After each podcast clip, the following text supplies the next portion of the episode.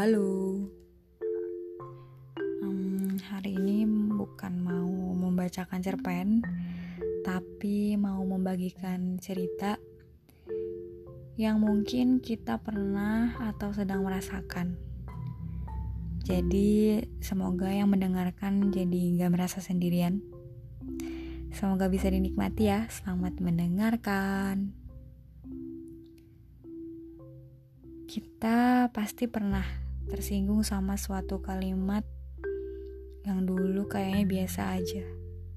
Tapi kalau didengar sekarang kok rasanya menyinggung. Hmm, sejumput pengetahuan saya soal krisis seperempat abad membuat saya menjadi manusia yang terlalu menganalisa dan mengamini semua teori tentang krisis seperempat abad. Lucu ya. Seperti pakar. Tapi kalau saya pikirkan dalam keadaan hati yang tenang, di tempat yang nyaman, ternyata memang hidup akan seperti itu siklusnya.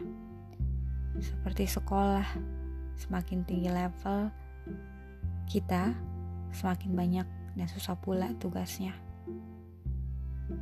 Ya mungkin seperti usia, tentu bertambah pula tanggung jawab dan tantangannya. Pasti akan ada krisis-krisis berikutnya. Kita juga pasti pernah merasakan mie goreng tengah malam jadi nggak seenak dulu karena kepala kita penuh dan bercabang.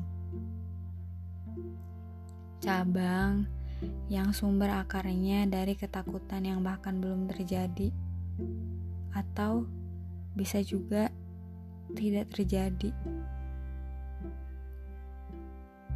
Tapi saya sekarang mulai mengerti kalau krisis perempat abad ini memberi kita ruang untuk lebih mengenal diri, mengenal tujuan hidup, mau jadi apa, mau menghabiskan hidup untuk apa, mau berguna buat siapa, mau bahagia karena apa? Harusnya kita bersyukur ya kalau bisa merasakan itu. Itu berarti kita sedang diberi kesempatan untuk menjadi peka sama diri sendiri. Kita sedang diarahkan pada hal-hal yang penting yang harus kita pikirkan di hidup. Ternyata nggak banyak orang yang bisa peka sama dirinya sendiri. Pikiran penik, pikiran, pikiran negatif itu ternyata cuma prosesnya aja. Tapi saya juga belum tahu jalan keluarnya. Tapi saya percaya kalau segala sesuatu akan sampai pada tempatnya.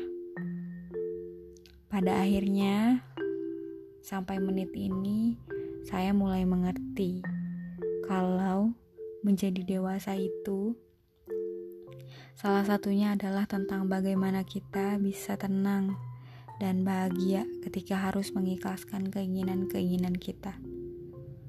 Menyambut kesempatan-kesempatan yang di luar ekspektasi kita, yang mungkin bisa jadi lebih baik dari ekspektasi.